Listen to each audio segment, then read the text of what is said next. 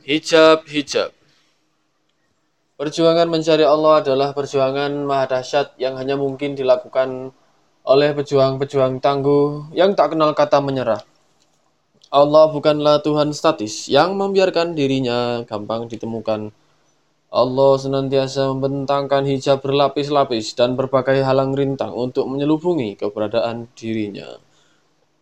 Sekalipun para pencarinya mengetahui bahwa dia adalah inti segala sesuatu dari ciptaannya, baik yang bisa ditangkap panca indera maupun yang gaib. Untuk menemukannya bukanlah persoalan sederhana. Abdul Jalil pun tetap menghadapi misteri tak terpecahkan tentang dia. Walaupun telah mengalami pahit dan getir perjalanan hingga terdampar di Malaka, ia sejauh ini hanya mampu menangkap tengara keberadaan hijab-hijab yang tak diketahui batas akhirnya. Bahkan hijab-hijab itu pun baru disadarinya ada setelah melampaui berbagai pengalaman ruhani. Setiap hijab gaib itu tersingkap, ia merasa beroleh pencerahan baru. Bagai ular keluar dari kelongsong kulitnya. Seingatnya, kesadaran tentang misteri hijab-hijab itu terjadi setelah ia mengenal Aryo Abdillah. Sekalipun tidak lebih dari tujuh bulan, Aryo Abdillah telah mengenalkan ungkapan-ungkapan sekaligus bukti-bukti tentang hijab-hijab misterius yang menyelubungi rahasia ilahi. Melalui perenungan mendalam, ia akhirnya mampu menangkap keberadaan rahasia hijab ilahi dalam ungkapan metaforik, yakni dengan iktibar tujuh samudera, tujuh gunung, tujuh lembah, tujuh jurang, tujuh gurun, tujuh rimba, dan tujuh benteng. Sekalipun terdengar begitu dahsyat dan secara akal sulit dilampaui manusia, ungkapan itu lebih ditujukan pada gambaran suasana ruhaniah diri manusia, sehingga ungkapan itu tidak perlu direnung-renungkan, dipikir serta dikaji dengan nalar. Maksudnya, ungkapan metaforik tentang tujuh samudera, tujuh gunung, tujuh lembah, tujuh jurang, tujuh gurun, tujuh rimba, dan tujuh benteng. Itu adalah gambaran dari citra diri yang bersifat ruhani. Dengan demikian, perjuangan menyingkap hijab-hijab itu bukanlah dalam makna harfiah. Ungkapan menyeberangi tujuh samudera, misalnya, bukanlah menyeberangi samudera dalam makna konkret, melainkan melintasi tujuh samudera ruhani yang ada di dalam diri manusia. Ia menyadari bahwa perjuangan berat dalam upaya mencarinya adalah melintasi samudera gunung, lembah jurang, gurun, rimba, dan benteng yang ada dalam diri sendiri. Sebab sesungguhnya itulah lapisan hijab-hijab yang menyelubungi dia, bertolak dari pengalaman ruhani dan perenungan yang telah dilakukannya ia memahami benar sabda Nabi Muhammad kepada para sahabat ketika kembali dari perang Badar. Kita baru kembali dari perang kecil untuk menuju perang besar, yakni perang melawan nafsu. Berbagai pengalaman pahit dan getir yang ia lampaui telah mengajarkannya bahwa melawan kehendak nafsu adalah perjuangan paling dahsyat baik yang ia lihat pada orang-orang yang pernah dikenalnya maupun pada dirinya sendiri. Orang-orang seperti Syekh Abu Al-Mahjubin dan anak-anaknya misalnya adalah gambaran bahwa dari hidup terkucil di pulau keakuan yang gersang tanpa mata air dan pepohonan. Mereka adalah gambaran dari orang-orang yang bukan saja tidak mempunyai keinginan melintasi, melainkan juga sangat ketakutan ketika mendengar keberadaan tujuh samudera, tujuh gurun, tujuh gunung, tujuh lembah, tujuh jurang, tujuh rimba, dan tujuh benteng. Ia sadar tidak semua orang berani menanggung akibat dari usaha melintasi tujuh hijab itu. Namun, sebagai orang yang sudah bertekad bulat mencari dia, maka tantangan dan rintangan seberat apa pun akan dilintasinya dengan berbagai risiko, termasuk kehilangan nyawa. Menurut pengalamannya, tantangan awal yang paling berat dan susah adalah melintasi tujuh lembah kasal yang berhawa sejuk, ditumbuhi rumput hijau, taman-taman bunga, pohon gamonyan, dan gaharu yang menebar wangi sungai, danau, dan burung aneka warna yang merdu bernyanyi. Di lembah ini, Para pencari lebih suka mendenggelam, mendenggelamkan diri dalam kemalasan naluri kemanusiaannya daripada bersusah-susah beribadah kepadanya. Tantangan kedua yang tak kalah dahsyat adalah tujuh jurang futur yang menganga siap menelan siapa saja yang jatuh ke dalamnya. Siapa pun yang melihat ke dasar jurang yang seperti tanpa dasar itu lazimnya akan menjadi lemah pendirian dan runtuh tekadnya untuk meneruskan perjalanan. Bagi para pencari yang masih kuat terpengaruh kehidupan duniawi, Tujuh jurang futur itu sangatlah menakutkan sehingga mereka lebih suka tidak melanjutkan perjalanan daripada melintasinya dengan resiko tak pernah kembali. Kebimbang raguan selalu mencekam siapa saja yang mencarinya ketika harus melewati tujuh jurang ini. Tantangan ketiga yang juga dahsyat dan butuh perjuangan khusus adalah tujuh gurun malal berupa hamparan pasir dan bebatuan yang membosankan. Di tengah perjalanan, para pencari sering dirayapi rasa bosan. Mereka enggan melanjutkan perjalanan, padahal tujuan masih jauh. Mereka enggan melanjutkan perjalanan, padahal tujuan masih jauh. Tidak sedikit yang kemudian menggerutu, saya sudah berjalan sangat jauh dan mengulang-ulang ibadah yang itu-itu juga, namun tujuan saya tetap tak tercapai. Tantangan keempat yang luar biasa sulit dilampaui adalah tujuh gunung riak yang sering menggelincirkan para pencari yang berusaha mendakinya. Para pencari yang mendaki gunung riak dengan puncaknya yang tinggi dan selalu diselimuti awan itu cenderung memamerkan kemampuan mereka. Di atas puncak gunung riak, para pencari biasanya lupa pada apa yang mereka cari. Mereka terjebak pada kebanggaan dan memamerkan kemampuan, kehebatan, kegagahan, dan keberanian diri sendiri. Bahkan tak kurang banyak yang terperangkap pada pamrih sehingga tujuan mereka tidak lagi menuju Allah, tetapi ke surga yang lain dari Allah. Tantangan kelima yang sulit ditembus adalah tujuh rimbah sum'ah yang berisi raungan serigala, auman harimau, kicau burung, lenguh banteng, dan bunyi batang bambu yang berderak ditiup angin. Di rimba ini, para pencari sering meniru perilaku hewan yang gemar memperdengarkan suaranya. Para pencari suka menceritakan berbagai amaliah ibadah yang mereka lakukan, dengan tujuan agar orang menyanjung dan memuji mereka. Bahkan, sering terjadi para pencari benar-benar terperangkap pada suasana rimba raya sehingga mereka menjelma hewan yang suka mengaum, melenguh, melolong, dan berkicau untuk memamerkan kehebatan diri. Tantangan keenam yang sulit diseberangi adalah tujuh samudera ujub yang bergelombang dahsyat dengan ombak menggemuruh menerpa pantai dan batu karang. Di samudera ini, para pencari gampang terpengaruh oleh keberadaan samudera yang bangga dengan kedahsyatan ombaknya yang kuat dan tinggi mencakar langit. Di dalam hati mereka muncul kebanggaan dan puji-puji terhadap diri sendiri karena mereka amalnya telah banyak mereka tak pernah menduga bahwa saat rasa bangga diri bagai samudra itu mencuat, maka yang terjadi adalah makna perjuangan ibadah mereka hilang ibarat buih ombak di hamparan pasir pantai. Tantangan ketujuh yang sulit ditaklukkan adalah tujuh benteng Hajbun yang berdinding tinggi dengan tembok kokoh berukir dan berhiasan indah. Benteng-benteng itu dihuni oleh warga yang hidup dalam kemakmuran dan kelimpahan rezeki, para pencari yang melintasi ketujuh benteng ini biasanya terpesona oleh keindahan arsitektur dan kemakmuran para penghuninya. Para pencari yang terpesona ini tak jarang terjebak mengaku bahwa benteng-benteng itu adalah miliknya dan merekalah yang membangunnya. Para pencari yang demikian tak menyadari bahwa saat mereka mengakui keindahan amaliah ibadahnya, maka saat itu pula benteng-benteng itu menjadi pasir yang luruh tertiup angin. Walaupun telah melalui berbagai pengalaman, Abdul Jalil belum berani memberikan penilaian terhadap perjuangannya selama ini dalam melintasi tujuh samudera, gunung, lembah, jurang, gurun, rimba, dan benteng yang terhambar di dalam dirinya.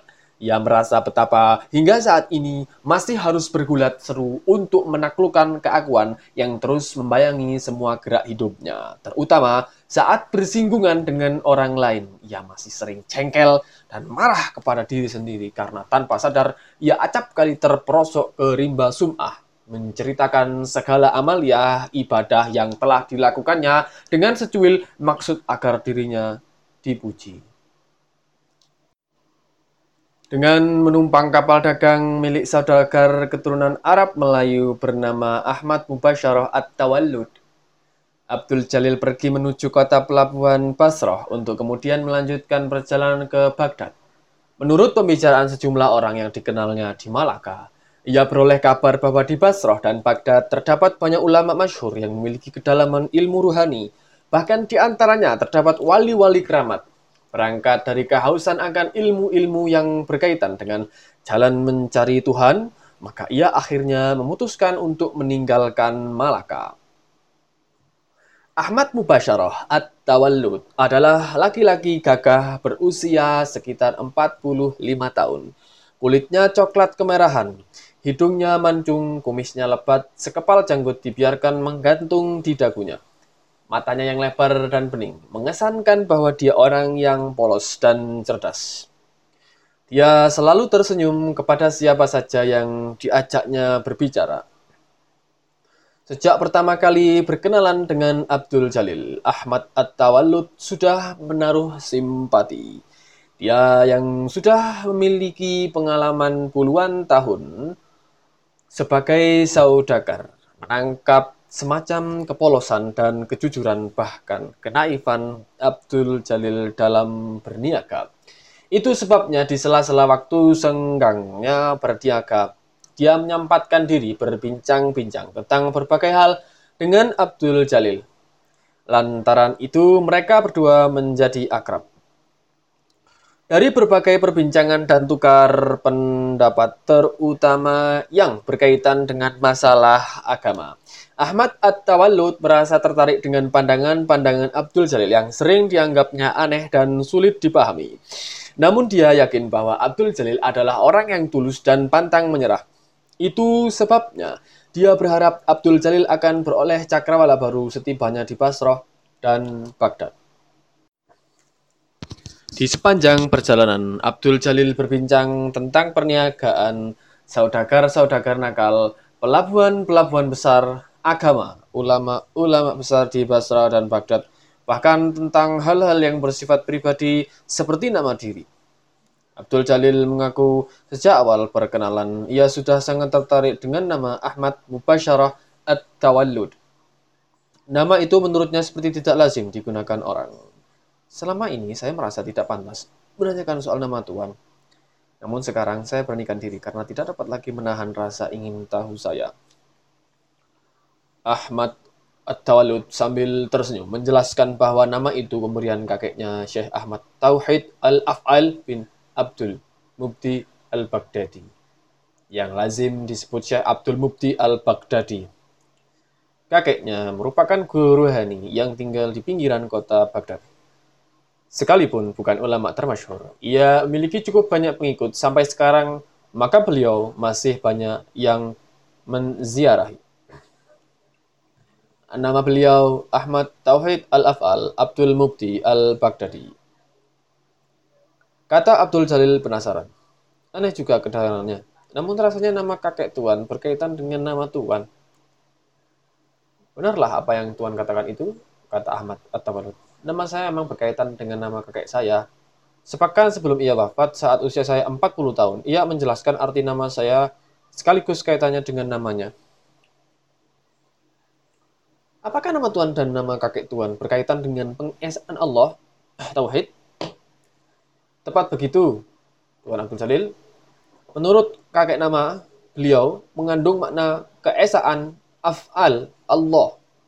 Maksudnya, segala sesuatu yang terjadi di alam semesta ini pada hakikatnya adalah af'al atau perbuatan Allah. Berbagai hal yang dinilai baik maupun buruk pada hakikatnya adalah dari Allah. Jadi, keliru dan sesat pandangan yang mengatakan bahwa yang baik dari Allah dan yang buruk dari selain Allah jelasnya. Makna keesaan af'al Allah pada nama kakek dijabarkan di dalam namaku yakni mubasyarah atau terpadu dan at-tawallud terlahir. Lanjutnya. Maknanya, af'al Allah harus dipahami dari dalam dan dari luar diri. Saat manusia menggoreskan pena, misalnya Di situlah terjadi perpaduan dua kemampuan kodrati yang dipancarkan oleh Allah kepada makhluknya, yakni kemampuan kodrati gerak tangan dan kemampuan kodrati gerak pena. Di situlah berlaku dalil wa Allahu khalaqakum wa ma ta'malun yang bermakna Allah yang menciptakan engkau dan segala apa yang engkau perbuat. Quran Surat As-Saffat 96. Inilah makna mubasyarah. Sedangkan at-tawallud adalah perbuatan yang terlahir. Semisal saya melempar batu, batu yang terlempar di tangan saya adalah berdasar kemampuan kodrati gerak tangan saya. Di situlah berlaku dalil wa ma ramaita idh ramaita Allah rama yang bermakna bukanlah engkau yang melempar melainkan Allah juga yang melempar ketika engkau melempar. Quran surat Al-Anfal ayat 17. Itulah yang dinamakan at-tawallud. Namun baik mubasyarah maupun at-tawallud pada hakikatnya adalah satu yakni af'al Allah di mana berlaku dalil Haula wa la quwata illa billahil aliyyil azim. Maknanya, tiada daya dan kekuatan, melainkan daya dan kekuatan Allah yang maha tinggi dan maha agung. Rasulullah dalam sebuah hadis diriwayatkan bersabda, La tataharraku zaratun illa biiznillah. Yang bermakna, tidak bergerak satu zarah pun, melainkan atas izin Allah. Mendalam sekali makna nama Tuhan dan kakek Tuhan, kata Abdul Jalil menarik nafas berat. Kakek Tuhan pastilah seorang sufi agung yang sudah mencapai makam wahdat al-af'al. Tuan Abdul Jalil karena saya sudah terlanjur dididik menjadi saudagar oleh ayah saya, maka saya tidak banyak mengetahui seluk-beluk keilmuan yang didalami kakek saya. Namun, satu hal dari fatwa beliau yang selalu saya jadikan pegangan hidup, yaitu dalam keadaan apa saja, baik suka maupun duka, saya harus senantiasa meneguhkan keyakinan bahwa semua itu adalah perbuatan yang dikehendakinya. Karena itu, saya selalu disuruh meniru doa Rasulullah, yakni Allahumma inni a'udzubika minka. Ya Allah, aku berlindung kepadamu dari segala kejahatan yang datang Allahumma inni a'udzubika min syarri ma khalaqta. Ya Allah, aku berlindung kepadamu dari segala kejahatan yang engkau ciptakan. Di sini berlaku dalil kul kullum min indillah artinya katakan hai Muhammad segala-galanya adalah dari sisi Allah Quran surat An-Nisa ayat 78 Perbincangan dengan Ahmad At-Tawallud telah menambah cakrawala baru bagi pemahaman Abdul Jalil terhadap keesaan af'al Allah. Perasaan dan akal budinya menerima secara utuh kebenaran yang terungkap dari perbincangan itu, yakni setiap gerak dari segala peristiwa yang tergelar di alam semesta, baik yang terlihat maupun yang tidak terlihat, pada hakikatnya adalah af'al Allah. Namun, jauh di kedalaman jiwanya masih terlintas hasrat untuk mengetahui sekaligus merasakan secara nyata bagaimanakah af'al Allah berlangsung. Langit hitam dipenuhi sejuta bintang bertaburan laksana permata ketika Abdul Jalil duduk di anjungan mendengarkan debur ombak menghantam lambung kapal dan desau angin menerpa layar. Ia merenungkan berbagai hal sehubungan dengan perbincangannya bersama Ahmad At-Tawallud Bagaikan ular keluar dari kelongsong kulitnya, demikianlah ia mengalami kesadaran baru menguak hijab gaib ilahi dalam kaitan dengan nama-nama. Entah bagaimana awalnya, tiba-tiba saja Abdul Jalil merasakan kesadaran baru menyingsing dari cakrawala jiwanya. Saat merenungkan keberadaan langit, bintang, gemintang, laut, kapal, layar, perbincangan dengan Ahmad Adawalud, Bandar Malaka, Palembang, Caruban, Pakuan, orang-orang yang dikenalnya dan dirinya sendiri. Ia menangkap makna bahwa segala apa yang telah dilihat dan dikenalnya selama ini pada hakikatnya adalah tidak ada. Semua yang mewujud menjadi ada karena memiliki nama dan nama-nama itu sendiri jika dicari akarnya justru tidak ada. nama-nama ada karena disepakati ada.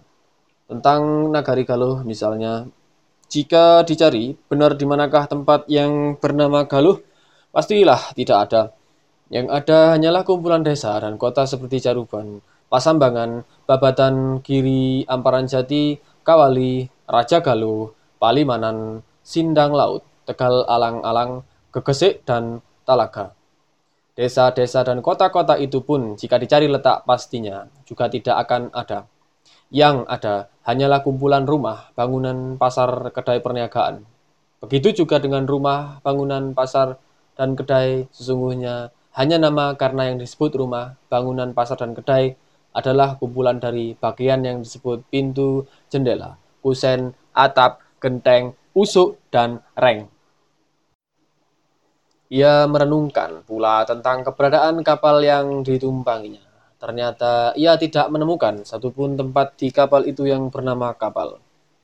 Kapal menjadi ada karena ia terdiri atas bagian-bagian, yakni lambung, geladak, tiang, layar, anjungan, kemudi jangkar, dan tali.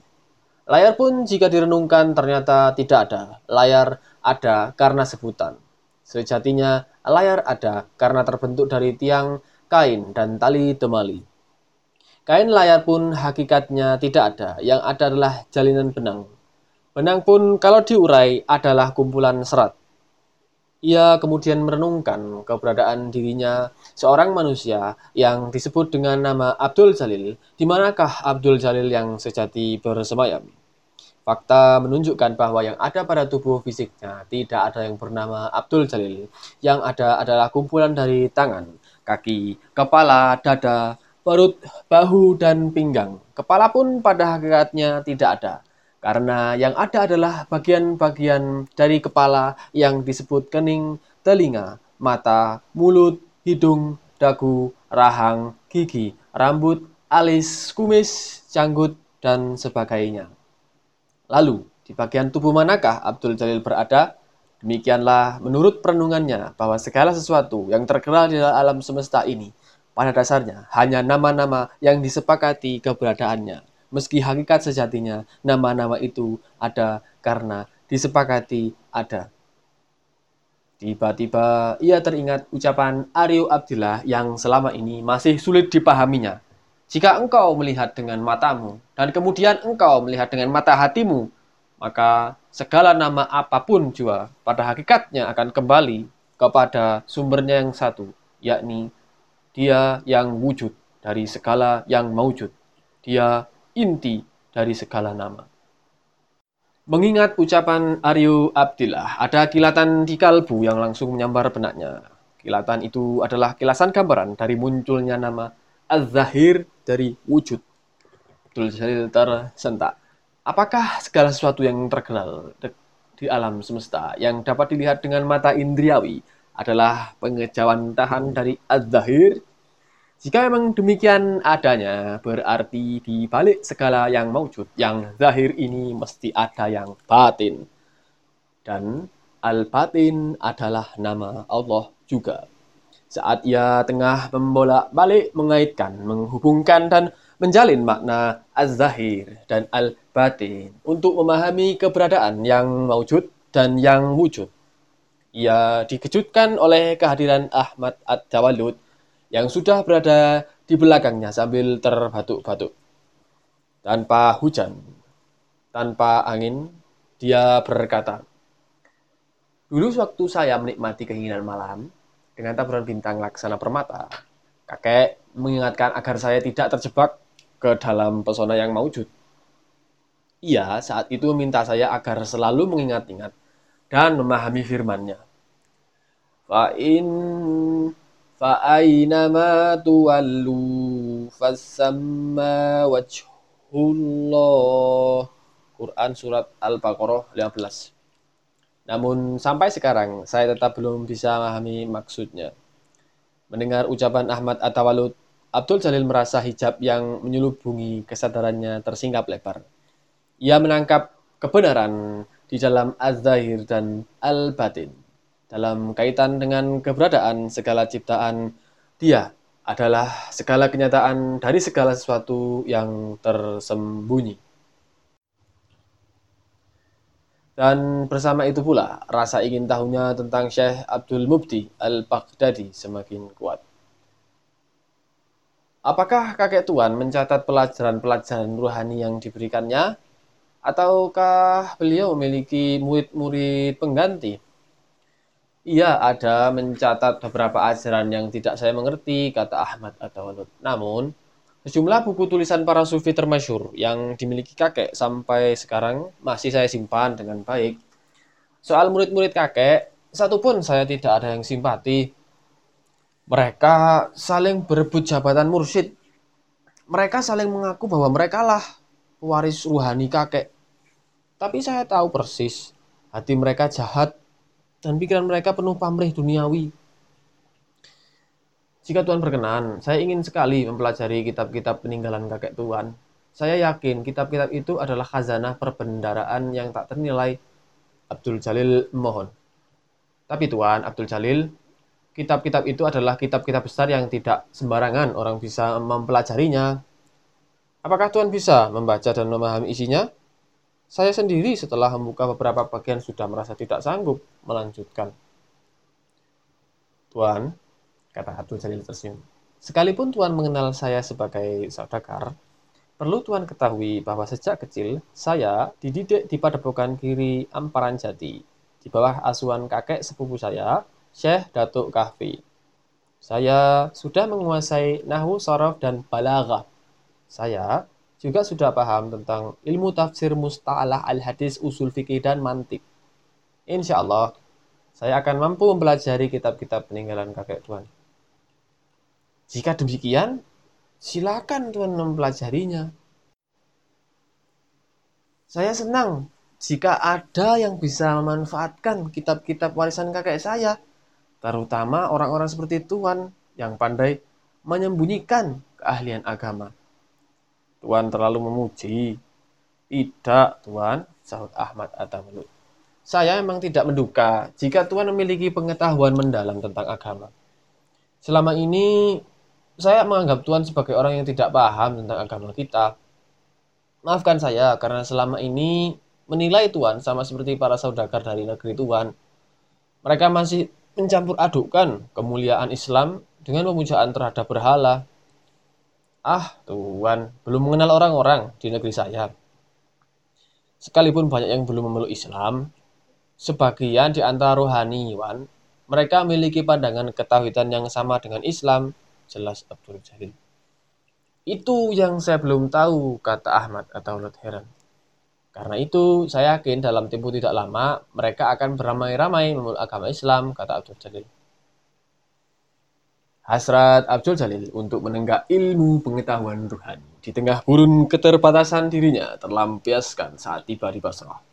Berbagai kitab peninggalan Syekh Abdul Mubdi Al-Baghdadi yang memuat ajaran para ulama sufi besar seperti Abu Mansur Al-Halaj, Abu Yazid Bustami, Abu Said Al-Kushairi, Muhyiddin Ibnu Arabi, Al-Ghazali, dan Abdul Karim Al-Jili. Dipelajarinya dengan penuh semangat, bagaikan musafir terlunta-lunta di tengah padang kemudian menemukan mata air. Begitulah ia dengan rakus menghirup kesegaran pengetahuan yang digali para ulama agung tersebut. Di antara sejumlah kitab yang sudah dibaca dan dipahami, yang dianggapnya paling berkesan adalah kitab Hakikat Al-Haqa'iq, Al-Manazil Al-Ilahiyah, dan Al-Insan Al-Kamil, tulisan Syekh Abdul Karim Al-Jili, ulama sufi yang wafat barang setengah abad silam. Menurut Ahmad At-Tawalud, Abdul Karim Al-Jili adalah kawan akrab kakeknya. Mereka berdua sering terlibat perbincangan rahasia yang tak seorang pun boleh mendengarkan. Abdul Jalil menilai ungkapan-ungkapan yang digunakan Al-Jili sangat sederhana. Lugas gampang dipahami dan yang terpenting memiliki banyak kemiripan dengan pengalaman ruhani yang telah dilewatinya. Ia seperti tidak pernah bosan membaca ulang mengkaji, merenungkan, dan menghayati ketiga kitab tersebut. Ia semakin merasakan cakrawala pemikiran dan jiwanya terbentang luas dalam memahami hakikat segala sesuatu yang tergelar di alam semesta. terutama yang berkaitan dengan perjalanan menuju dia yang dihalangi berbagai rintangan dan tantangan luar biasa. Ia benar-benar sangat rindu mengenal sekaligus merasakan sentuhan kebenaran ilahi, afal, asma, sifat, dan zat. Getaran kerinduan yang makin mencekam jiwa itu ternyata membawanya ke sebuah pengalaman baru. Hal itu dialaminya setelah ia tinggal lebih dari sebulan di rumah Ahmad Ad-Tawallud. Ketika pertama kali datang ke Pasroh, Abdul Jalil diperkenalkan dengan ibunda Ahmad At-Tawallud yang bernama Siti Failaitun seorang perempuan Melayu berusia sekitar 65 tahun. Perempuan setengah baya yang ramah itu menyambut kehadiran Abdul Jalil dengan penuh sukacita. Dia senang bertemu dengan orang sebangsanya yang bisa diajak berbicara tentang berbagai hal, terutama tentang negeri Malaka dan Jawa. Meski sudah bertahun-tahun menjadi warga kota Basrah, Ibunda Ahmad At-Tawallud belum paham benar dengan bahasa Arab yang digunakan di sana. Itu sebabnya dalam pergaulan sehari-hari dia hanya bisa berkomunikasi dengan suami, anak-anak, dan cucunya yang mengerti bahasa Melayu. Ayahanda Ahmad Atawalud bernama Abu Amar Al-Hisi, berusia sekitar 70 tahun. Ia menyambut pula kehadiran Abdul Jalil di rumahnya dengan penuh keramahan. Ia merasa senang jika Abdul Jalil bersedia mendengarkan cerita-cerita masa mudanya. Semangat hidupnya seakan muncul kembali ketika menuturkan kisah kegagahannya mengarungi samudra dan singgah di berbagai negeri di masa silam. Sebagai pemuda yang sejak kecil terpisah dari orang tua dan hidup di padepokan dengan penuh keprihatinan, Abdul Jalil merasakan keramahan yang diberikan ayahanda dan ibunda Ahmad At-Tawalud sebagai kehangatan ayah dan ibu yang didambanya dalam mimpi-mimpinya. Itu sebabnya untuk mengisi waktu senggang saat beristirahat setelah penat mempelajari kitab-kitab, ia gunakan untuk berbincang dengan mereka. Bermula dari keakraban dengan ayahanda dan ibundanya, Abdul Jalil akhirnya mengenal anak-anak Ahmad At-Tawalud juga. Anak pertamanya bernama Fa'ilatun Nafsiyah, akrab dipanggil Nafsa. Usianya sekitar 23 tahun, belum menikah. Anak kedua juga ber, perempuan bernama Salma Izatur Rahmah. Usianya sekitar 21, sudah menikah dan memiliki dua anak laki-laki. Anak yang ketiga laki-laki bernama Ibnu Afkar Al-Afrad berusia sekitar 19 tahun. Sudah menikah dan memiliki seorang anak. Anak yang keempat juga laki-laki bernama Ahmad Kas Al-Bashari, berusia sekitar 17 tahun, belum menikah, belajar di Universitas Nizamiyah, Baghdad. Suatu saat, Siti Fa'ilatun menceritakan tentang Nafsa, cucu kesayangannya yang dianggapnya bernasib malang karena sampai memasuki usia 23 belum menikah. Abdul Jalil menduga anak sulung sahabatnya itu tentulah berwajah jelek dan berperangai buruk. Namun, saat pertama ia melihat mata nafsa yang bulat dan lebar, serta ditumbuhi bulu-bulu panjang yang lebat, ia langsung membayangkan wajah di balik cadar itu pastilah memancarkan kecantikan bidadari. Abdul Jalil tidak pernah menduga, apalagi membayangkan bakal terperangkap ke dalam pesona keindahan sesuatu selain dia. Ia yang sepanjang perjalanan ruhaninya selalu berusaha menghindari hal-hal duniawi, kini menghadapi persoalan besar yang sebelumnya tidak pernah ia bayangkan dan impikan. Sebelumnya, ia selalu berhasil mengusir berbagai bayangan bendawi yang memasuki alam pikiran dan mahligai jiwanya. Kini setelah melihat mata nafsa yang indah dan bercahaya seperti kilauan bintang, ia merasakan perubahan besar terjadi pada dirinya. Citra keindahan mata nafsa tiba-tiba sering masuki ingatannya saat ia sholat, zikir, tafakur, membaca buku, makan, minum, bahkan saat mengambil wudhu dan terutama menjelang tidur. Abdul Jalil heran dengan perubahan dirinya bagaimana mungkin. Ia yang selama ini selalu tenang menghadapi berbagai halangan dan rintangan kehidupan, tiba-tiba sering dicekam resah dan gelisah. Rasa itu baru mereda ketika ia melihat atau sekedar membicarakan ini dan itu tentang nafsa. Ia merasakan betapa jiwanya mendadak terbang ke angkasa laksana elang yang kesunyian menjerit dalam kepahitan jiwa yang mendampa kehadiran sang betina. Nafsa adalah perempuan pertama yang keindahan matanya telah membawa kesadaran Abdul Jalil ke taman asmara yang penuh bunga mewangi dan rumputan harum. Keindahannya telah membius kesadaran Abdul Jalil ke dunia asing yang sebelumnya tak pernah dirasakan dan dikenalnya. Ia melihat pelangi membentang di dalam pancaran mata nafsa. Cahayanya yang berwarna-warni memasuki relung-relung jiwanya. Sadar bahwa dirinya sedang terperangkap dalam pesona yang selain dia, Abdul Jalil berusia berusaha menghapus citra nafsa dari pikiran dan perasaannya dengan berbagai cara. Pesona itu telah mengganggu perjalanan ruhaninya. Namun, laksana matahari terbit dari ufuk timur setiap pagi. Begitulah citra keindahan nafsa terbit di fajar kehidupannya. Menyinari kegelapan jiwa dan mengusir embun dingin dengan kehangatan cinta. Jiwanya tiba-tiba menjelma taman indah dengan kicau burung, dengung lebah, gemercik air sungai, desau angin, goyang bunga-bunga, dan harum rumputan.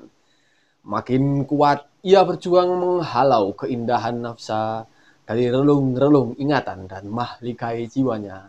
Makin hanyut ia ke pusaran sungai, kerinduan yang bermuara ke samudera cinta. Pikirannya terbang ke angkasa, melintasi awan khayalan, menggapai rembulan dan bintang ke bintang. Dan bagaikan burung patah sayap, begitulah ia merasakan dirinya terkapar tanpa daya melihat khayalnya terbang ke angkasa, bermadu kasih dengan bayangan nafsa bidadari jiwanya.